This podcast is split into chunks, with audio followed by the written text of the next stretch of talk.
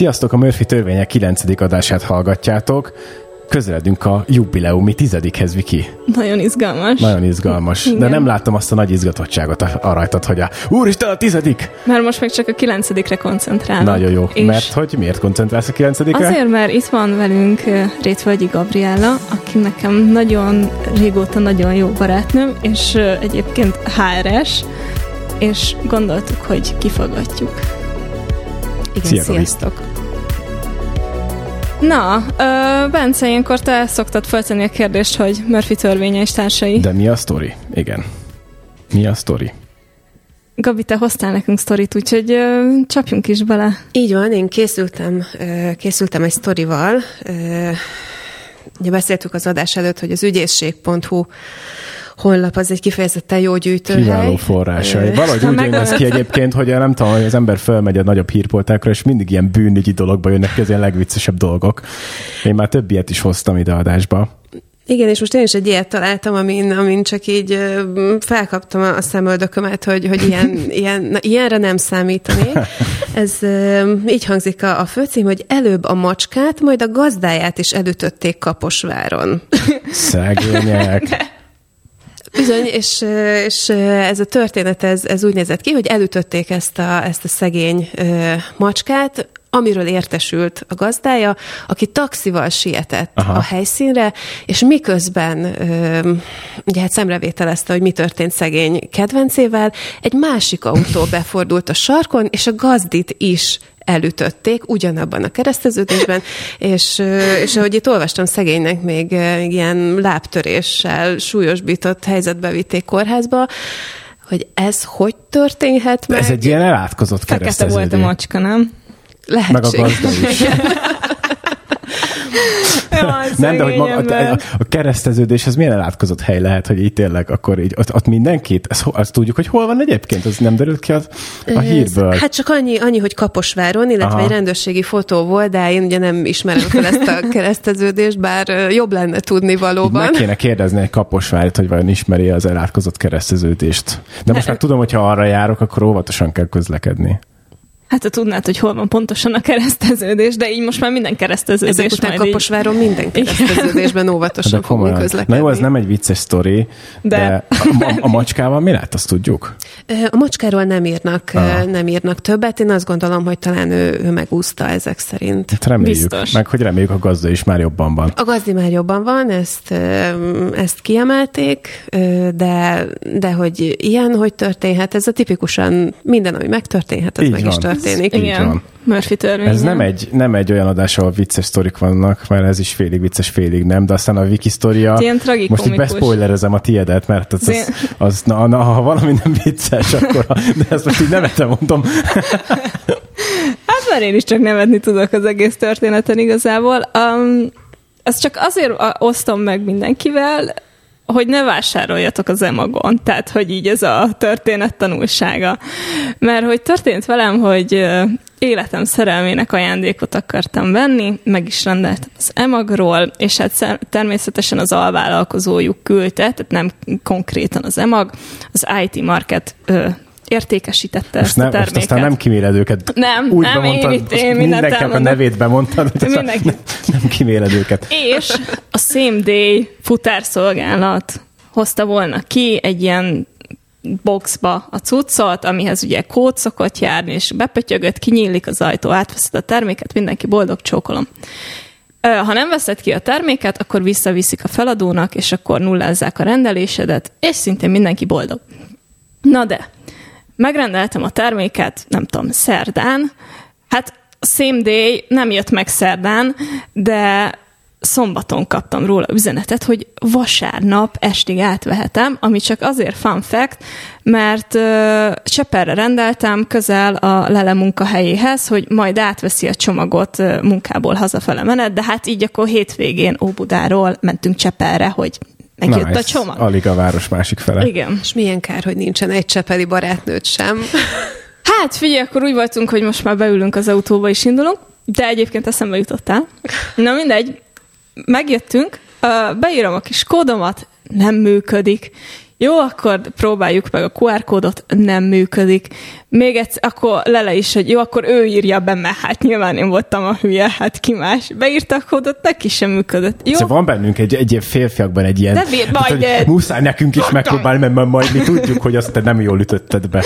Igen, na Igen. mindegy, szóval nem működött. Készítettem egy fotót a automatáról, hogy kiírja, hogy nem lehet átvenni, stb. Hívtam egyébként még akkor egyből a, a same date, hogy mi történik. Nem, nem csöngött ki, mert, vagy kicsöngött, közölték, hogy hétvégén nincsen uh, ügyfélfogadás ilyen Aha. ez. Jó, oké. Okay. Hazafele mellett megírtam az e-mailt, hogy kéne a csomag, meg hogy egyébként így what the fuck. Gondolom, ilyen 60-as pulzusra higgadtam. Hát így, egyébként teljesen korrekt üzenetet írtam, csak hát így nyilván nem, nem, nem volt kedves már így se a történet. Na de ezen még akkor csavarunk egyet. Nem jött válasz a same day-től. Ö, egy héten keresztül, úgyhogy gondoltam, akkor fölhívom őket. Nem voltak kapcsolhatóak. Hát mondom, akkor biztos az a baj, hogy Norvég a telefonszámom, és hogy így valami izé. Mondtam a lelének, hogy akkor telefonálj, légy szíves. Ő is telefonál, neki se kapcsolat. Jó, akkor megpróbáljuk holnap. Másnap megint hívtam őket, megint nem voltak kapcsolhatóak, úgyhogy elmondom, akkor ez közbe csődbe ment, az buktuk a csomagot. Na jó, akkor utána akkor fölveszem a kapcsolatot az IT markettel, mert hogy ők küldték a csomagot, én nem kaptam meg a csomagot, kérem vissza a pénzemet, oldjuk már meg. Akkor ilyen levelezésekben, nem tudom, így tényleg így nem tudom mennyit írtunk oda-vissza, akkor mondta a, a pasi a túloldalon, hogy akkor utána néz a csomagnak, megpróbálta ő fölvenni a kapcsolatot a szémdéjjel, de hogy itt most már ugye ez december 7-én indult a történet, ez így karácsony előtt vagyunk, így időrendben. És akkor mondtam a faszinak, hogy akkor szeretném, ha így tornoznánk ezt a rendelést, és szeretném visszakapni a pénzemet. Azt mondja, ő azt így nem tudja, mert hogy ugye hozzájuk nem érkezett vissza a csomag. Uh-huh. A, a rendszer azt mutatta, hogy a kézbesítés megtörtént, közben ugye írtam az emagnak is, hogy mi történik, ők ez semmi közük hozzá. Jó, uh, nem érkezett vissza a csomag a telephelyre, jó, karácsony jöttem, foglalkoztam a kérdéskörrel, aztán január elején megint ráírtam az IT-re, vagy az IT marketre, hogy akkor most már mi tökön van a csomaggal. Mondta, mondta a, a pasi, hogy rajta van az ügyön, a same day elő tudott beszélni, és hogy nézik a üzé, felvételeket, a, a CCTV felvételeket. A tökömet kell nézni a CCTV felvételeket. Nem, nem, sejtették, Tehát, hogy, hogy valami van, igen. Nem vettem át a csomagot, nincs meg jó, hát ők ezt így ki, ki nem tudom, utána járnak. És nem tudom, így azt hiszem, január 10-én megjelent a CMD is a levelező ládámban, válaszoltak a kérdésemre, hogy amennyiben még mindig fönnáll a probléma, írjak egy üzenetet, ha nem tudom melyik kolléganőnek. Hát én írtam az üzenetet a kolléganőnek, kifejtettem, hogy hol áll az ügy. Jó, utána néz, megnézi a, C- a CCTV felvételeit. És akkor két héttel rá megint kaptam egy üzenetet, hogy amennyiben nem én vagyok a CCTV felvételein, mert hogy a csomagot eltettek, akkor tegyek rendőrségi feljelentést. Hoppá. Oh. Hoppá. És így ennyi a történet. És nem, te és nem én voltam a felvételeken, Spoiler. és a futárszolgálat nem vállalja a felelősséget azért, hogy ellopták a csomagomat. Aha. Oh. De valaki hogy tudta, hogy és ugye ez Már a, a szándékot igen. sem értem, tehát hogy valaki lopni szeretne. De szerintem Miért ez egy nem csomag automatából? Szerintem a futárszolgálat simán elrontotta, és több ugyanazt a kódot adta ki. Aha Ö, Igen, nekem is ez jutott Két eszembe. embernek, és, és, és az, valaki az meg... elviszi, hát látja, hogy a másik, tehát hogy nem Figyelj, azt a csomagot. Kinyílt, hát, kinyílt az ajtó, két ajtó is kinyílt, hát karácsony Basszus, ez nem egy izé adventi naptári. Nem, és ráadásul... így, ó, kiszedünk kettőt, nem akkor, egy izé nem plazma tévét vettem, tehát hogy egy, egy pénztárcát vettem kemény 8000 forintért, Aha. tehát hogy nem egy ilyen óriási összeg, és igazából az is azért se fáj ennyire ez a történet, csak így maga az eljárásmód, meg hogy majd itt a akkor menjek még a rendőrségre. De a fogyasztóvédelemnek azért írtam, nem tudom, hogy lesz-e hatás. Ez kemény azért. Én mondom, ezt továbbra sem értem az emberek motivációját ilyenkor, mm. hogy ha kinyílt véletlenül még egy miért viszi el, ha meg nem nyílt ki egy se, csak ő meg, előre megfontolt szándékkal akar csomagautomatából lopni, hogyan? Tehát, hogy me- meddig kell osztálni, mire eltalálsz egy kódot? volt. Nem tudom. Vagy kapott egy, hát nem, ilyet már nem is Vagy ilyen feltételezni, belső slopások, Hát, tudod. Ilyet már nem merek így- feltételezni, hogy kapott egy izét, le SMS-ezik, hogy na, akkor majd lesz egy ilyen kód, osztott a pénzt, a pénztárcát akarsz lopni, akkor kimész, a, nem tudom hova, piacra, vagy Egyszerű. valami, és akkor Vagy lehet, hogy a, az árusító cégnek a neve alapján valami másra számítottak, Igen. és azért pont Igen. ezt a csomagot. Egyébként lehet. Az is lehet. Bármi lehetett volna. ki. Lehetett volna benne SD kártya Hát is. óvatosan a rendelésekkel, meg a csomagautomatákkal. Na de, csapjunk bele, Igen. ahogy Gabi miért is ül itt velünk, és hogy mi lesz a mai fő téma. Hát a HR. És, és hát Gabi, igazából szerintem ez egy olyan témakör, amit így sok mindenki ilyen misztikusan kezel, már hogy mindenki mondogatja, hogy a HR a HR, de nem Te tudjuk, hogy... mondogatod, Viki, a munkahelyeden, hogy a Persze, HR, hogy mondom a HR. Nekem volt problémám a HR-rel, tehát Ó, mindenkinek volt Mindenki- már legalább egy problémája a HR-rel, ez így szokott kezdődni. Igen, úgyhogy, de hogy ott, igen, szóval szerintem így kezdjük az elejéről, hogy egy picit bemutatkoznál nekünk, hogy milyen típusú munkákat csináltál eddig, és hogyan is lyukadtál ki a HR-re? E, igen, köszönöm a kérdést. E, én nem a klasszikus vonalon közelítettem meg a HR, tehát nem ezt tanultam a középiskola után, ezt egyébként gazdaságtudományi karon lehet általában emberi erőforrás uh-huh. menedzsment elnevezéssel tanulni. Én ehhez képest egy magyar szakos bölcsész diplomát szereztem ebben az időszakban, és emellett ö, diákmunkán dolgoztam egy munkaerő kölcsönző cégnél, ahol ö, Hát először telefonos hívásokat bonyolítottam, aztán később asszisztensi feladatokat kaptam, szerződéseket kellett lefűzni ABC rendbe, tehát ilyen igazi belépő szintű uh-huh. pozíció volt, és onnan, ahogy látták az elhivatottságomat, hogy ilyen nagy szavakkal éljek, úgy egyre, egyre komolyabb és komolyabb feladatokat bíztak rám, míg aztán végül egy munkaerőkölcsönzési projektet is megkaptam egy másik városban, egy autóipari beszállító cégnek tulajdonképpen a, a kölcsönzötti állományának a, a menedzselését volt szerencsém vinni, és ez volt az első olyan nagyobb HR projekt, amit, amit tényleg én uh, vittem nagyon fiatalon, viszont ez volt az a, a pont, amikor azt láttam, hogy, uh, hogy megvan az, hogy mit szeretnék csinálni, és ez a HR, uh-huh. annak ellenére, hogy sokaknak van konfliktusa ezzel a területtel. Uh, dolgoztam ezen kívül uh, iskolaszövetkezetnél is ö, különböző toborzói pozíciókat is elláttam. Ö, aztán a szolgáltatói oldalról átültem a vállalati oldalra, az nyilván egy egészen más típusú HRS uh-huh. feladatkört jelent, és itt vagyok jelenleg vállalati HR-esként, ö, jelenleg HR generalista pozícióban vagyok. Ez egy bizonyos szegmensét jelenti ennek a nagy HR-es uh-huh. kosárnak. E, általában nem erre szoktak gondolni az emberek. Igen, és ezt akartam is mondani, csak vártam a megfelelő pillanatot, hogy hol tudom ezt a kérdést beszúrni. Akkor szedjük már össze úgy egyáltalán, hogy mi, mi tartozik a HR alá, mert szerintem a legtöbben arra gondolunk kapásból, hogy hát a, aki interjúztat, Így van, aki így felvesz van. minket a céghez, vagy a munkahelyre. De ugye ez nem, tehát nem csak erről szól a HR. Igen, egy, egy korábbi vezetőm mondta szerintem nagyon frappánsan, hogy mivel foglalkozik a HR, mindennel, ami ember, és mindennel, aminek nincs gazdája az adott vállalaton belül. És ez valóban így van. Tulajdonképpen a HR foglalkozik mindennel, ami onnantól kezdve elindul egy szervezetben, hogy megszületik egy pozíciónak csak az igénye, Aha. Még nem is a gondolata, csak az igénye a Aha. szervezetben megszületik, azon keresztül, hogy megkeressük rá a megfelelő új kollégát, beillesztjük a szervezetbe az ő munkavállalói életútját gondozzuk, egészen odáig, hogy bármilyen okból kifolyólag aztán elbúcsúzunk egymástól a munkaviszony uh-huh. végén. Ez nagyon sokféle tevékenységet jelent. Az interjúztató kollégák, a recruiterek egyébként, Igen. ilyen szép magyar szóval Igen, igen, élve, igen. ők azok, akik valóban a toborzás kiválasztásért felelnek, de ezen kívül vannak kifejezetten képzésekre uh-huh. specializálódott ö, kollégák, ö, vannak olyan ö, kontroller kollégák, akik, akik kifejezetten a HR mérőszámokkal foglalkoznak, ö, vannak HR business partnerek, akik már az üzlettel is magasabb szinten uh-huh. állnak összeköttetésben, ők, ők egyfajta stratégiai tanácsadást is tudnak nyújtani a vállalkozás főtevékenységére vonatkozóan.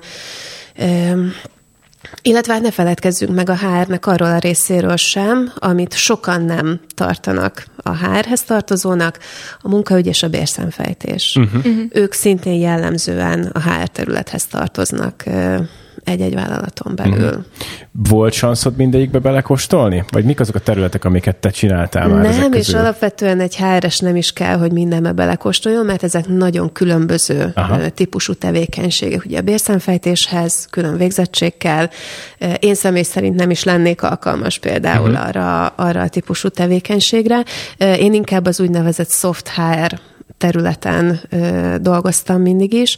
Ö, az én pozícióm a HR generalistáké azért ö, szerintem egy nagyon jó pozíció, mert nagyon sokrétű. Tehát én például a toborzás kiválasztástól elkezdve egészen mondjuk a, a HR-hez kapcsolódó rendezvények szervezéséig, uh-huh. állásbörzéken való megjelenés, gyakornoki programoknak a koordinálása, az új belépők beillesztése, ezt onboarding folyamatnak Igen. hívják.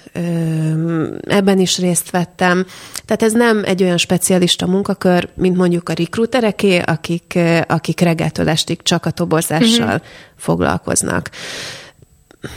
Nyilván a specialista munkakörökre nagy szükség van, és, és olyan kollégákra, akik kifejezetten erre szakosodnak, és akiknél jobbat nem találsz arra, hogy megszervezzen egy nagy létszámú képzést a te vállalatodnak. Én örülök, hogy pont ezt a pozíciót sikerült megtalálnom magamnak az évek során. Igen, mert ez kicsit ilyen több területből, hogy így mondod, hogy több mindent csinálsz, tényleg nem az van, hogy nem tudom, napi 8 órában jelölteket hívogatsz telefonon, hogy... Így van, én ezt nem tudom megmondani. Ja. ja. Nekem az lenne a kérdésem, hogy szerinted mik a jó HRS ismérvei? Tehát, hogy mikor, mitől lesz igazán jó valaki ebben a munkában? Mert azt hát most itt fölemlegettük a rossz élményeket, de hogy azt tapasztaljuk, hogy nem mindenki jól végzi ezt a munkakört. Vajon mi hiányzik belőlük? Szerinted mit tenni őket igazán jó HRS-é? Azt gondolom, hogy ebben a munkakörben egyrészt nagyon fontos olyan tulajdonságoknak a megléte, mint mondjuk az empátia, uh-huh. ami segít ahhoz, hogy, hogy igenis átérezd a munkavállalónak azt a problémáját, amivel ő éppen hozzád fordul, ami sokszor nem az első eset, uh-huh. nem először találkozol azzal a problémával, esetleg egy visszatérő helyzet, de az ő életében mégis ez most az a probléma, uh-huh ami alapján aztán meg fogja ítélni, hogy neki igen, volt-e problémája igen. a hárral, vagy mm-hmm. sem. Ez az egyik. Az empátia mellett ugye a türelem, ami szerintem nagyon fontos. Viszont a mostani ö, HR tevékenységben már szerencsére nem lehet azt mondani, hogy elég az, hogyha valaki szereti az embereket. Azt gondolom, hogy egy, ö, struktúrált, analitikus hozzáállás mindenféleképpen szükséges ahhoz, hogy úgy támogassa HR-esként az ember a vállalatot, és ebbe beleértem a munkavállalókat és a munkáltatót is, hogy ez valóban hatékony legyen. Uh-huh. Nem elég meghallgatni, tudni az embereket, tudni kell megoldást is adni. Uh-huh. És ehhez kell olyan tárgyi tudás, olyan szakmai tudás, olyan felkészültség, amivel ezt tényleg meg is tudja tenni, és mindenki partnerként kezeli. A rossz HR-t nem kezelik mhm. partnerként. Uh-huh. A jó HR viszont rengeteget tud segíteni egy vállalatnak ahhoz, hogy tényleg hónapról hónapra mindig jobban működjön. Ez az analitikus szemléletmód, ez, ez azért jelenik, vagy jelent meg egyre jobban a HR-ben, mert mert ugye most már nem tudom, nagyon sok cég, nagyon sok területe úgymond riportálható, vagy ilyen kimutatható számokban. És ugye hár az ilyen szempontból nem egy, tehát nem egy pénzügy, ahol ugye forgalmat néznek, vagy nem egy, nem tudom, egy ilyen tényleg egy ilyen biznisz analízis, de mégis azért a hárnak is vannak olyan területei, ahol, ahol mérhető dolgok vannak, és, ez, és ahogy ez gondolom fejlődött a, így a, a, egy, egy biznisz működése, nem tudom, az elmúlt 20-30 évben, most már olyan analitikai szoftverek vannak mindenre, hogy gondolom ezt a HR-re is így, így van, valamennyire így bevezették. Van, pontosan. Illetve hát magának, magának a HR szakmának a változása az elmúlt évtizedekben. Ugye én azt gondolom, hogy a mi szüleink fiatal korában még úgymond a munkaügyes, aki fölvette az embert, odatolta a szerződést, aztán a fizetéspapírt, és ez volt a HR, mert egészen egyszerűen ilyen volt a, a környezet, de ahogy, ahogy egyre jobban ugye a külföldi mintákat, modelleket láttuk, úgy, úgy meglátták a a vállalatok is ebben a lehetőséget, és úgy egyre jobban fejlődött ez a terület is, és egyre jobban lett gazdasági szempontból uh-huh, partner. Uh-huh. Mert az emberek is lefordíthatók mérőszámokra, mutatókra, forintban kiszámolható igen, az, hogy mennyivel éri meg jobban megtartani egy tapasztalt szakembert, vagy elengedni, és helyette újat igen. keresni, igen. mire őt megtaláljuk, hmm. betanítjuk, otthon érzi magát a szervezetben. Ez mind lefordítható a számok nyelvére. Erre ö, jöttek rá itthon is az elmúlt évtizedekben, és egyre inkább ezt a gyakorlatot honosítják meg, hogy a HR teljesen elfogadott üzleti partner a vállalatok életében. És akkor létezik a HR-esek között olyan, aki kifejezetten adatokkal foglalkozik, de hogy HR jellegű adatokkal. Ez, ez, ez létrejött már Igen. ez a fajta pozíció? Vagy még mindig, a, nem tudom, ez mindig egy részterülete a nem, vannak olyan kontrollerek, Aha. akik uh, alapvetően kontrolleri tudással, tapasztalattal, képzettséggel uh, rendelkeznek, és ők erre a területre specializálódnak. Ugye nem akarok belemenni, hogy a kontrollereknek is hány féle tevékenységük lehet, akár mondjuk egy termelési kontrollertől elkezdve egy, egy tisztán pénzügyi uh-huh. kontrollingot végző gazdasági szakemberen át, de igen, tehát van olyan, aki kifejezetten a HR-t érintő mutatószámokra szakosodott, ezeket a kimutatásokat készíti, értelmezi, riportálja. Uh-huh. É, arra gondolok még csak, hogy így szóba jött, hogy, hogy ugye számszerűsíthető már az, hogy mennyire éri meg egy-egy munkavállalónak a különböző, vagy akár mi a költsége annak, hogy, hogy felveszünk, megtartsuk, mikor éri meg. Igen. Mi, a, mi az átlagos idő, amivel most fel lehet embereket venni, vagy egy mennyi ideig tart egy ember kiválasztása például? Ezt lehet, lehet így általánosítani valamennyire? Nagyon nehéz ezt általánosítani, mert, mert ez rengeteg tényezőtől függ. Attól is, hogy milyen pozícióra keresel új kollégát, milyen tapasztalattal. Uh-huh. Van-e valami olyan speciális tudás, amire neked szükséged van, hogy meglegyen. Egyáltalán szellemi vagy fizikai foglalkozású kollégáról beszélünk. Budapesten keresünk-e munkaerőt, vagy Miskolcon?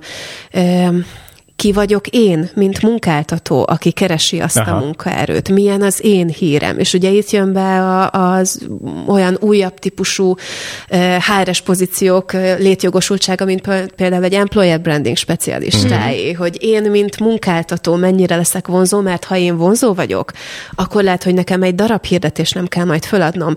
Viszont ha rossz a hírem, akkor lehet, hogy hetekbe, akár hónapokba telhet megtalálni egy új kollégát arra a pozícióra. Mert ez tényleg így az emberek fejbe benne, hogy basszus XY cég, az, az nem, mert nem tudom. Persze. Mert az ismerősöm múltkor rendelt tőlük. És mert akkor... az ismerősöm múltkor rendelt tőlük, és nem érkezett meg. Aha. Így van, így van. Ilyeneken, ilyeneken is múlik. Aha. Viki, valamit akartál mondani? É, nem, igazából... vicceskedtem megint. az, az jutott eszembe, hogy most egy kicsit azért átnyergeltünk arra, hogy, mm, hogy a munkavállaló mikkel néz szembe, és szerintem a hallgatók többségét ha erről van szó, akkor az érdekli, hogy hogyan lehet sikeres neki a felvételiztetése. Úgyhogy tudnál pár tükköt, trükköt, tippet megosztani velünk, hogy mi az, ami tutira nem jön be, akármilyen munkáról beszélünk, és mi az, ami nem azt mondom, hogy biztos befutó, de mondjuk jó eséllyel. Nehéz ilyeneket meghatározni. Én azt gondolom, hogy vannak sarokpontok, uh-huh. amik, amik, hogyha megvannak, akkor sokkal könnyebb ö, dolga van egy álláskeresőnek. Az első ilyen meglepő módon az, hogy tudja, hogy mit szeretne ő maga. Uh-huh. Hogy tudja azt, hogy az a pozíció, amire jelentkezik, az, az azért úgy nagyjából mit akar, érdekli-e, szeretné-e azt csinálni. Tehát ez egy önismereti folyamat, uh-huh. hogy, hogy én, mint álláskereső, milyen pozíciókra jelentkezek. Mert nem elég, hogy megtetszik a leírás, uh-huh. de, de egy kicsit elmélyedni benne, hogy, hogy én valóban uh-huh. jó lennék ebben. Mert, mert ez az első lépés, hogy ő maga meg legyen győződve arról valóban, hogy ez egy neki való pozíció. Uh-huh. Egészen más a kisugárzása akkor, hogyha uh-huh. úgy ülött, hogy, hogy tudom, hogy... Sőt, gondolom, tök hamar ki is bukik egy interjún például, igen, hogyha igen. valaki ilyen nem igazán érti, nem jó, igazán hát tudja, megpróbálom. Igen, na, pont ez a hozzáállás, hogy jó, hát megpróbálom. És itt, és itt nem a tapasztalatról van szó, uh-huh. azt, azt uh-huh. szeretném kiemelni, mert mert nekem egy nagyon-nagyon meghatározó interjú élményem volt az, interjúztatóként, amikor, amikor egy könyvelő pozícióra vettünk fel egy, egy pályakezdő munkavállalót, akit igazából azért hívtunk be, mert a tesztje jó lett, de nem voltunk benne biztosak, hogy, hogy ilyen, ilyen junior szintű kollégát szeretnénk abban a helyzetben fölvenni, de a tesztje jó volt. És olyan lelkesedéssel beszélt a könyvelésről, uh-huh. Uh-huh. hogy én tíz perc után úgy éreztem, hogy én könyvelő akarok lenni. És igen, ez vicces, ez vicces. De, de ő valóban, ő, ő érezte, és tudta, és elhitte, hogy ő egy jó könyvelő lesz, és jó könyvelő is lett belőle, mm. hogy Aha. így előjem a poént. Fölvettük, tényleg a legjobb könyvelők között van azóta. És akkor ez manapság mennyire jellemző egy jelöltre? Kik vannak többségben? Azok, akik ilyesmik, és tudja, és utána nézett és lelkes, vagy inkább az, hogy gondolom ez nyilván megint az, hogy milyen szinten, mennyi tapasztalattal pályakezde, vagy nem. Így van, bár az ilyen szintű lelkesedés azért, azért ritka. Aha. Számomra is azért emlékezetes ez a sok-sok interjú közül, mert, mert ilyen gyöngyszemet azért ritkán találni. Sok az elvárás mostanában az álláskeresők részéről is, Aha. tehát hogy a jelen helyzetben ez már korán sem egy olyan interjú szituáció, amikor én, mint munkáltató eldöntöm azt, hogy felszeretnélek-e venni téged, Aha. mint jelölted, uh-huh. hanem ez kicsit hasonlítanám egy, egy tárgyalási szituációhoz, ahol uh-huh. nyilván én kérdezek többet, mert én vagyok annak ismeretében, hogy a pozícióhoz mire van szükség, de nem én vagyok az egyetlen, aki, aki kifogatja a másikat, és nem te, mint jelölt, vagy az egyetlen, akinek meg kell felelnie uh-huh. azon a beszélgetésen. Uh-huh. Ebből a szempontból már egyáltalán nem kell olyan érzésekkel beülni egy állásinterjúra, mint mondjuk tíz évvel ezelőtt teszem uh-huh. azt. Mi volt ennek a fordulópontja? Ez így hol alakult át? Én azt gondolom, hogy egyrészt az Y generáció, illetve a Z generációnak a, a munkaerőpiacra való belépése nagyon sokat változtatott uh-huh. a mhm. hozzáállásán a, a munkáltatóknak. Ez, ez egy kényszerű változás volt első körben, mert... mert... Ezért ez nem esett jól gondolom a munkavállaló, vagy munkáltatónak. Hogy, hát, a, hogy ilyen alkupozícióba kerül, hogy nem más az van, szituáció, hogy, mint igen. korábban, de ugyanúgy, ahogy, ahogy a munkavállalók változtak, úgy például egy vállalaton belül dolgozó vezetők is együtt uh-huh. változtak velük, tehát hogy ők is azért már egy más generáció most már elég sokan. Uh-huh. Um, nem mindenkinek volt ez kellemes, de egy változás az mindig nehéz, én Igen. azt gondolom. Minden szervezetet, mindenféle változás megvisel, mert az ember az állandóságra törekszik. Ez uh-huh. hát meg a benne van a természetünkben. Igen. Így Igen. van, így van. De ugyanakkor a mostani Y, illetve most már Z generációsok olyan egyéb tulajdonságokat, skilleket hoztak magukkal a munkaerőpiacra, ami miatt azért nem olyan fájdalmas ez a változás. Így, hogy sokkal inkább partnerként tud egymásra tekinteni a munkáltató és a munkavállaló, egészen más dimenziói nyílnak meg uh-huh. a munkavégzésnek.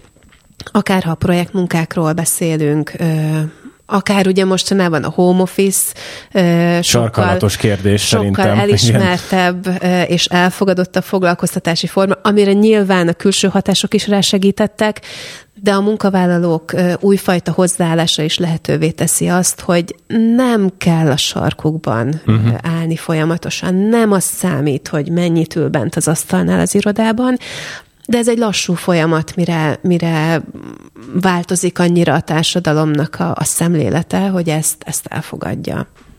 A, mondhatjuk, hogy inkább van most egyensúlyban a dolog, olyan szempontból, hogy ahogy mondod, ez most már nem egy egyirányú felvételi dolog, hanem egy tárgyalásszerű. Ez így a jó, ez így az egyensúly, és korábban volt nagyon eltolódva a munkáltatók felé, vagy most van nagyon eltolódva a jelöltek meg a munkavállalók felé? Azt gondolom, hogy ilyen is, olyan is előfordul egy-egy helyzetben. Nyilván van olyan álláskereső, aki, aki sokkal több ö, jogot érez magáénak, mint amennyi uh-huh. kötelezettséget, hogy ilyen kifejezéssel élhessek, és mindig vannak olyanok, akik, akik még nincsenek teljesen tisztában a saját valós munkaerőpiaci értékükkel, Aha. ugyanakkor a gyakorlat azért látszik, hogy, hogy egyre inkább sikerül mindenkinek megfelelő helyén kezelni magát, nem félnek az érdekérvényesítéstől az álláskeresők, illetve a munkavállalók, és megtanulták a megfelelő partnerként kezelni a vállalatok is a munkavállalókat egyre inkább. Arról mit gondolsz, hogy én sokszor hallottam azt is ismerősöktől, hogy tudom én, ilyen 5-6 év után érdemes váltani.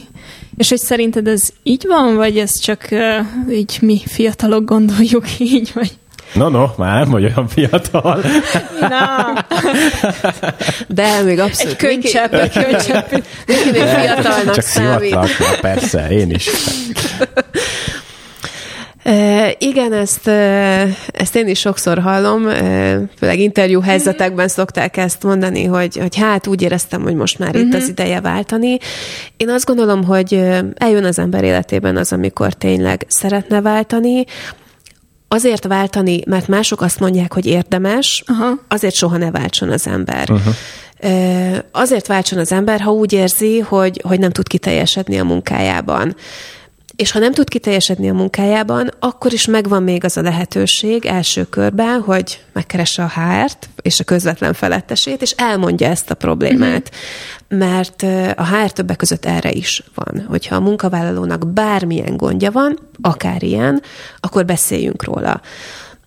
De ezzel meg szoktak keresni? Nekem az az érzésem ezzel kapcsolatban egyébként, hogy nagyon sok ember küzdik a munkahelyén, de mondjuk úgy relatíve jól van, tehát hogy nem azt mondom, hogy így teljesen szenved, csak mondjuk így, hát így lehetne jobb a fizum, meg egy kicsit lehetnék motiváltabb valahogy, és akkor én azt érzem, hogy nagyon sokan ilyenkor inkább váltanak, ahelyett, hogy, hogy a HR-hez fordulnának. Abszolút. Hogy, hogy, mint hogyha nem lenne benne az emberek fejében az, hogy egyébként fordulhatnak a HR-hez. Tehát, hogy így ez... Igen, ez a nem kell egyből, nem egyből rárugni az ajtót a helyre, és kész. Tehát, hogy lehet erről beszélni. Igen, sajnos még mindig az a ritkább, hogy megkeressék Aha. a HR-t, de én a saját szakmai utamban egyre több pozitív tapasztalatot uh-huh. élek meg ezzel kapcsolatban, hogy oda mernek jönni, uh-huh. megmernek keresni, nem félnek attól, hogy úristen, mit fog gondolni a HRS, hogy én már nem Na szeretem jó, de a munkámat, nem jól teljesítek. Az, hogy ettől szerintem félünk, vagy, vagy félnek a munkavállalók, hogyha, hogyha ilyen hogy probléma oda megyünk, akkor azt fogja gondolni, mert biztos a főnökön fülébe rúgni, jut, igen. vagy az ő főnökének a fülébe jut, és hogy féltik a pozíciójukat. Pontosan, pontosan. Pedig a jó HR ebben nagyon nagy segítség tud lenni, mert mert a mostani munkaerőpiaci helyzetben a vállalatoknak ugyanolyan fontos a megtartás, a stabilitás, uh-huh. egy biztos bázis, mint a munkavállalóknak. Tehát az, hogy mondjuk oldalirányba mozduljon valakinek a karrierje, és ne csak fölfelé, az egy teljesen elfogadott dolog, és, és abszolút rendben van, hiszen ha az a munkavállaló egy másik területnél, egy másik pozícióban érezné jól magát, akkor azzal a vállalat is nyer, hiszen őt már nem kell úgy beilleszteni. Persze a közösségbe, uh-huh. mint egy teljesen új embert.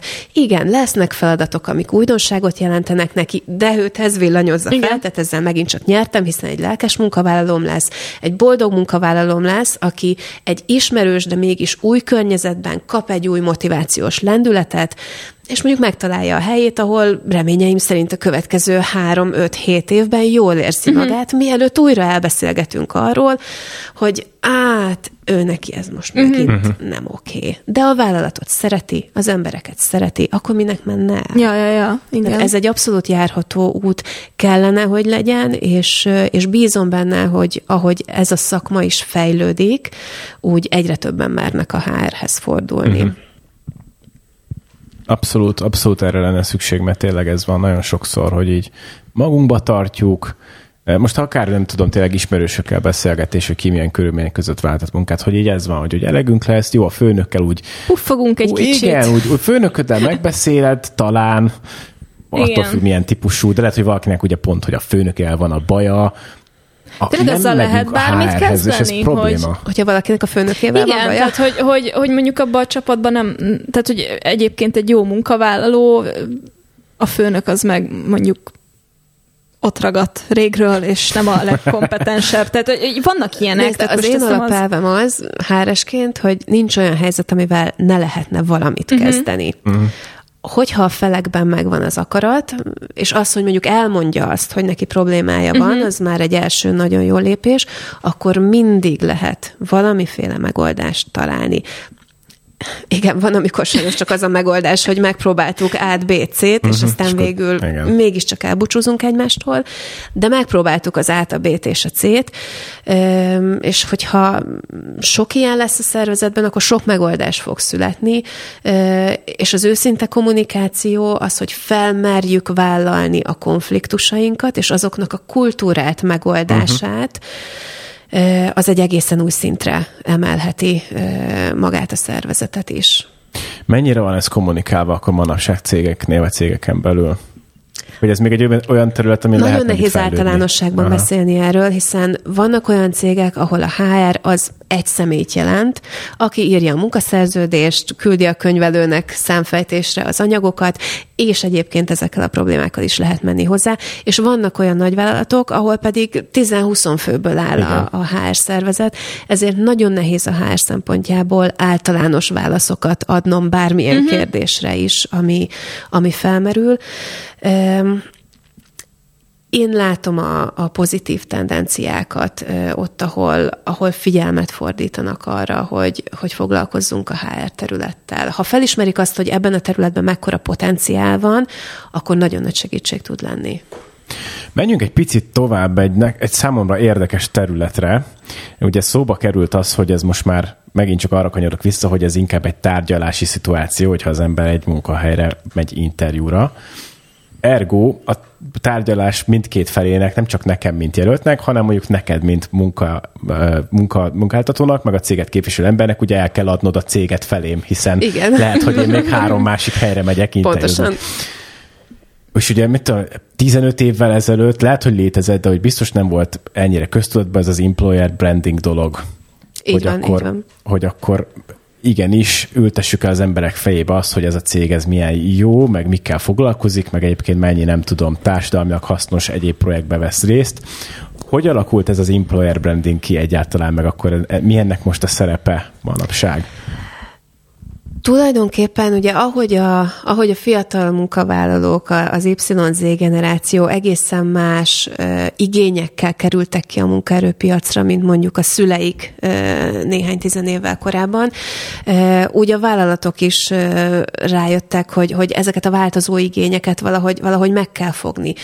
A fiatalok sokkal szabadabban állnak hozzá a munkavállaláshoz, nem annyira elkötelezettek, és vonakodok ezt így mondani, hogy nem annyira elkötelezettek, mert ez nem igaz. Sokkal Érezhet egy gyakrabban váltak munkát például. Igen, mint, mert mint... sokkal inkább egy feladatok iránt elkötelezettek, Aha. mint egy-egy munkáltató iránt. És hogyha én a megfelelően izgalmas és motiváló és kihívást jelentő szakmai feladatok mellett tudok egy olyan ö, környezetet, egy csapatot, egy, ö, nem tudom, fitnessbérletekkel másfékelt csomagot biztosítani a számára, ö, akkor azzal, azzal mondjuk hosszabb ideig tudom ott tartani. Ö, ez kihívás. Ez kihívás, és az employer brandinget kifejezetten ez hívta életre, hogy meglegyen az az érzés, hogy nálam jó dolgozni. Aha. Mert hogy konkrétan erre most már ugye cégek vannak, akik ezzel van, foglalkoznak, hogy employer branding tanácsadást nyújtanak nagyobb cégeknek, Pontosan, vagy más cégeknek. illetve nagyon sok cégnek van saját employer branding specialistája Aha. is, aki vagy a HR, vagy a marketing területhez tartozik. Ez, ez tulajdonképpen ilyen HR marketingnek szokták nevezni ezt, a, ezt az employer branding területet, mert itt valóban arról van szó, hogy, hogy eladjuk a cégünket kifejezetten a munkavállalóknak. Igen. Ez egy egészen más típusú reklámot jelent. Mérhető ez valahogy? Mondjuk egy időtávlatban, hogy elindul a projekt, itt tartunk, egy év múlva leülnek újra a felek, és megnézik, hogy mit használt az employer branding együttműködés mondjuk egy külsős tanácsadóval. Abszolút mérhető. Minden mérhető, csak meg kell találni a megfelelő mérőszámot Igen, hozzá, hogy- ami, ami Igen. valóban jól mutatja a helyzetet.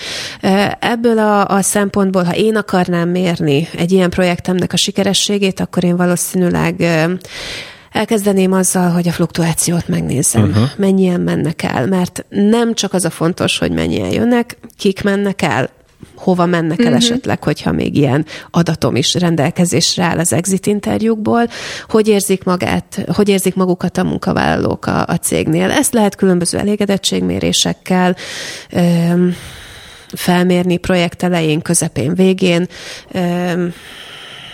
Ezen kívül akár feladott hirdetésekre való jelentkezések számát is meg lehet nézni a projekt előtt és után.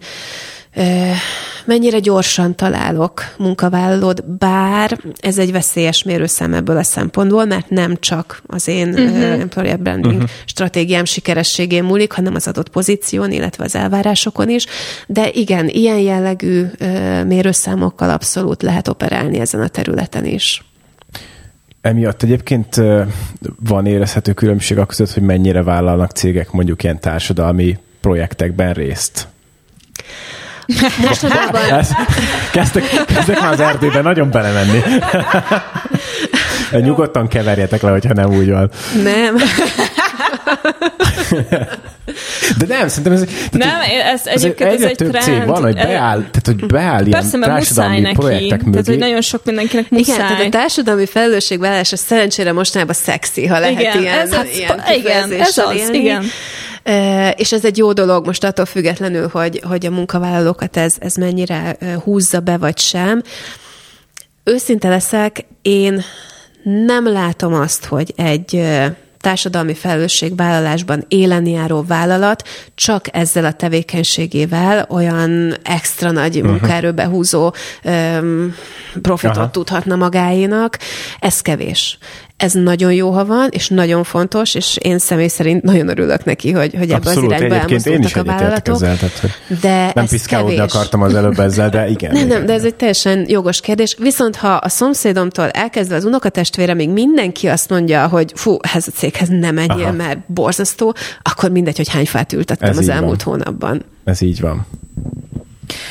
Én arra lennék kíváncsi, hogy nem tudom, mennyi, mennyire vagy képben ezzel, de hogy így a COVID hatásai a munkaerőpiacon, azok mennyire vannak még mindig jelen, illetve hogy mi, mi, miket változtatott? A COVID hatása abból a szempontból hosszú távú volt, hogy voltak nagyon pozitív hozadékai, amiket szerettek a munkavállalók. Ilyen például a home office. Uh-huh. Most már nehéz eladni egy olyan pozíciót, ami, Ahol nincsen. Ahol nincsen. lehetne, de Igen. nincs. Nyilván mindig lesznek olyan területek, jellemzően ugye a kék galléros foglalkoztatásban, ahol, Igen. ahol elképzelhetetlen a home Igen, office, igen. de ahol van rá lehetőség, és ezt nem biztosítják, oda érezhetően azért kevesebben jelentkeznek. Ez az igény, ez megmaradt. Öm, A munka és a magánélet egyensúlyát azt gondolom, hogy, hogy tanulták uh-huh. a kollégák az elmúlt években, hogy hogyan lehet ezt jól menedzselni, hogyan lehet home office-ban jól működni, hogyan tudom letenni mondjuk a gépet a nap végén, vagy hogyan tudom összeegyeztetni az életemet azzal, hogy leteszem egy órára a gépet, és mondjuk elmegyek a gyerekért az óvodába, de aztán utána még uh-huh. visszaülök egy kicsit dolgozni. Ezek nagyon érdekes kérdések. Szerintem egyre jobban adaptálódunk ehhez a helyzethez az utóbbi időben.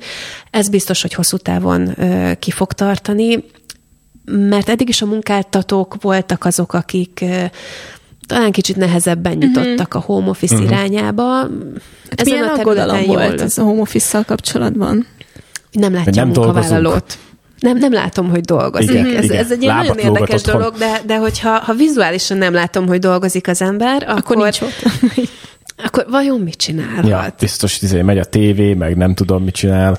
Igen, és ezt is nekünk is meg kellett tanulni munkáltatóknak, hogy nem a munkaórát nézzük, hanem a teljesítményt. Uh-huh. És ez uh-huh. egy nagyon fontos új ö, trend, ha lehet ezt mondani, a munkaerőpiaci változásokban, hogy egyre kevésbé számít maga a munkaidőnek a mennyisége, és egyre inkább az elvégzett feladatoknak a minősége. Uh-huh. Minőség, hatékonyság, igen. Így van, így igen. van. El tudunk-e oda jutni ezek mentén, és ugye vannak országok, ahol ezt már tesztelték bizonyos szektorokban vagy munkakörökben, a négy napos munkahéthez. Vagy a hat munkanaphoz. Vagy a hat munkanaphoz. Én személy szerint simán Nem mindegy, feladnám. hogy melyiket választjuk.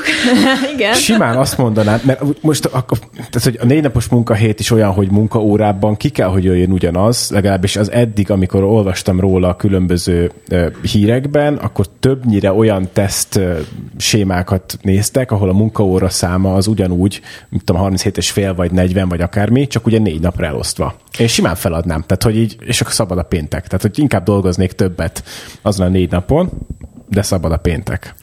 Igen, egyre több helyen valóban tesztelik a, a négy napos munkahetet, illetve kacérkodnak azzal a gondolattal, hogy hogyan lehetne ö, így átállítani a szervezetnek a működését. Van, ahol ez nem lehet lehetséges, nem lesz lehetséges a, a tevékenység jellegéből uh-huh. adódóan egészen egyszerűen, viszont azt gondolom, hogy, hogy ez a munkavállalók nagy részének kifejezetten jó motiváció lehet. Uh-huh függ a tevékenységtől is, amit az adott munkavállaló végez. Nem Igen. minden ö, feladatot lehet napi tíz órában végezni. Igen.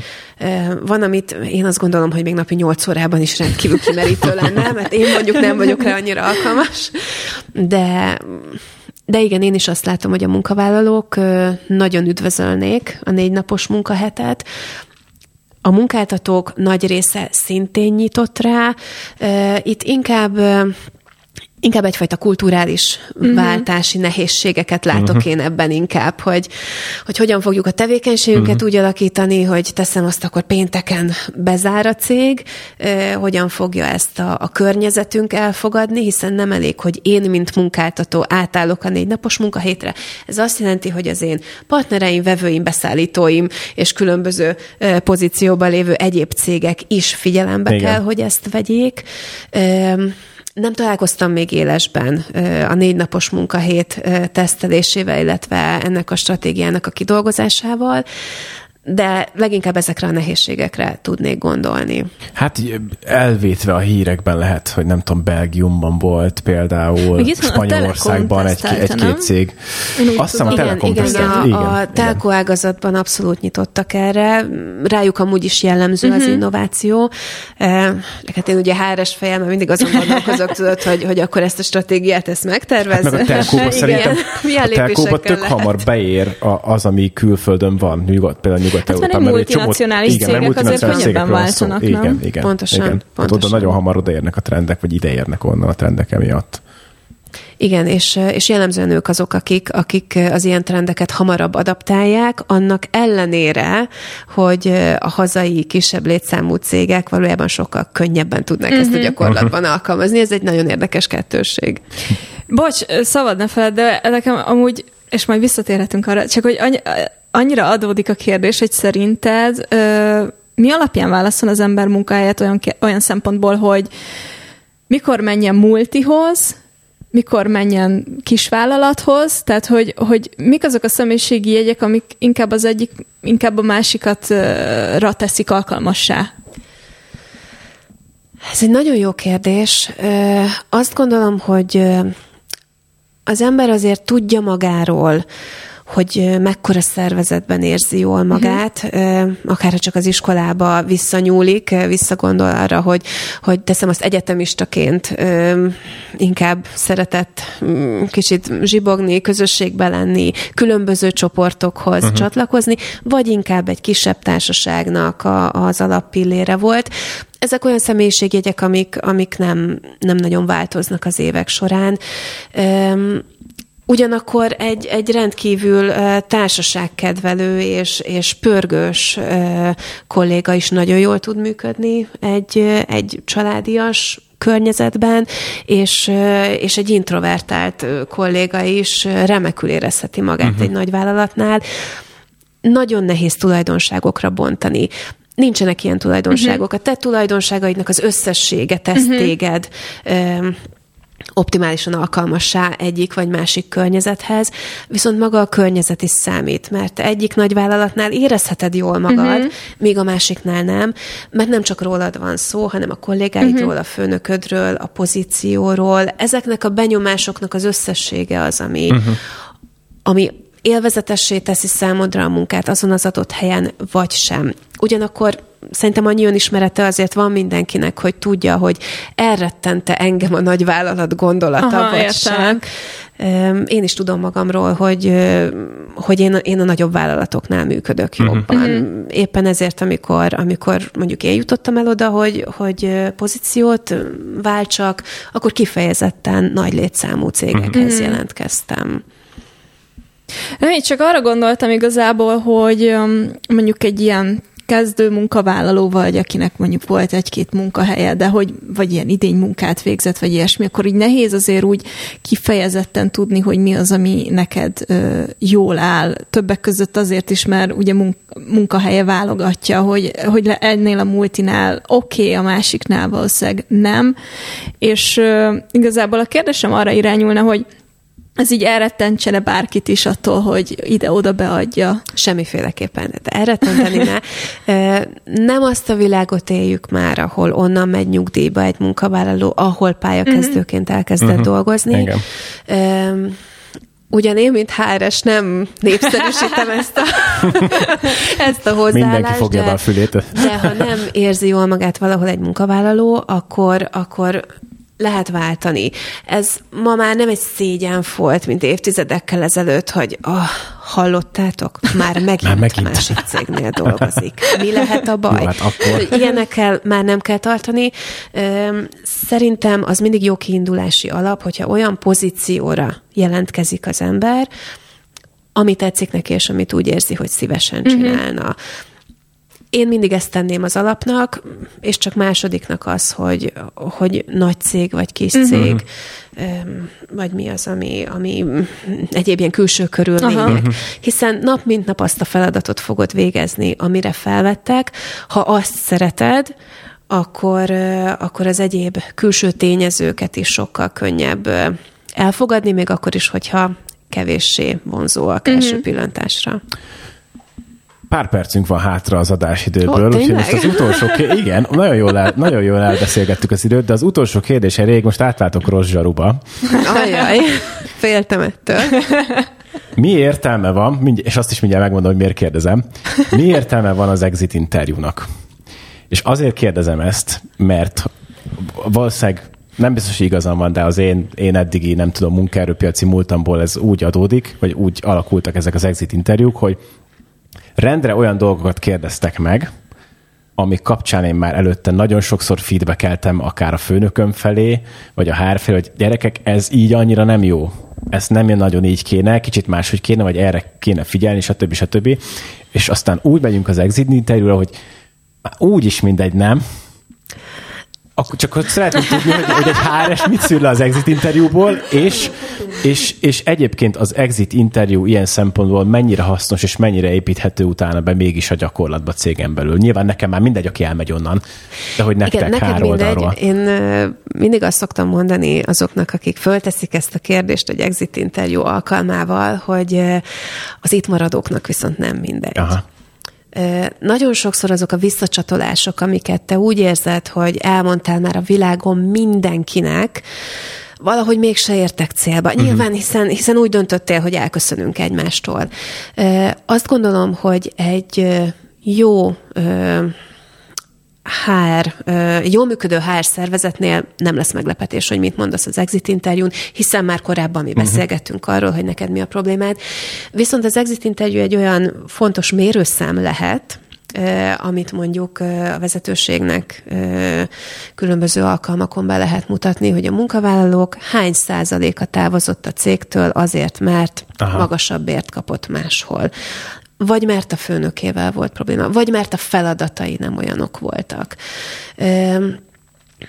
Ezek, ezek fontos visszajelzések tudnak lenni, és az exit interjús szituáció az egy hivatalos visszajelzés, uh-huh. ahhoz képest, mint amikor te mondjuk bejössz hozzám kedden, és azt mondod, hogy figyelj, ígyunk meg egy kávét, mert mindjárt felrobban az agyam, és muszáj beszélnem valakivel, hogy nem érzem jól magam. Um, a hivatalossága az, ami, ami egy magasabb szintre emeli, az én meglátásom szerint az exit interjút, és azok a kérdések, amiken sokszor végigmennek a HR-esek, és az unásig ismételt kérdések, hiszen te már elmondtad korábban, ezek, ezek mérhető adatokat hoznak ki a beszélgetés végén te és még másik, jobb esetben csak 5-10 munkavállalónak az exit interjúja végén, mhm. rosszabb esetben ennél sajnos sokkal többnél. De én azt gondolom, hogy az exit interjú egy lehetőséget ad az őszintességre, Ebben a HR-nek nagyon nagy felelőssége van, hogy ezt hogy kommunikálja. Uh-huh. És elárulok egy műhely titkot, én például soha nem tárgyalóban csinálom az exit Aha. interjúkat, hanem, hanem ha valaki dohányzik, akkor, akkor megkérdezem, hogy van-e kedve lemenni, rágyújtani, lekísérem nagyon szívesen, és beszélgetünk, vagy csak készítsünk egy kávét a, a konyhában, és üljünk le, mondjuk a pihenőszobába beszélgetni egy kicsit, hogy, hogy kötetlenebb legyen, hogy erősítsem az őszintességet az ő részéről is, ugyanakkor megvannak azok a kérdések, amiken, amiken, amiken együtt végig kell menni. Igen de, de ez egy olyan pillanat az őszintességre, ahol még a legbátortalanabb munkavállalónak uh-huh. is megvan a lehetősége, hogy őszintén elmondja, hogy mi volt a baj, és én mindenkit bátorítok is arra, hogy használja ki ezt a pillanatot, hogyha már nem sikerült korábban megoldani ezt a problémát, akkor, akkor még így utolsó lehetőségként elmondani, hogy mi lehetne javítani. Tök jó, hogy ezt rendbe raktuk akkor. Ha már exit interjú, akkor nem csak itt a... az exit ideje. Itt az exit ideje, sajnos, igen. Úgyhogy Gabi, köszi szépen, hogy eljöttél. Nagyon sok érdekes Én témát. köszönöm a beszélgetést. Vettünk le ma is. Köszi szépen. Úgyhogy nektek megköszönjük, hogy hallgattatok minket. Sziasztok. Sziasztok. Sziasztok.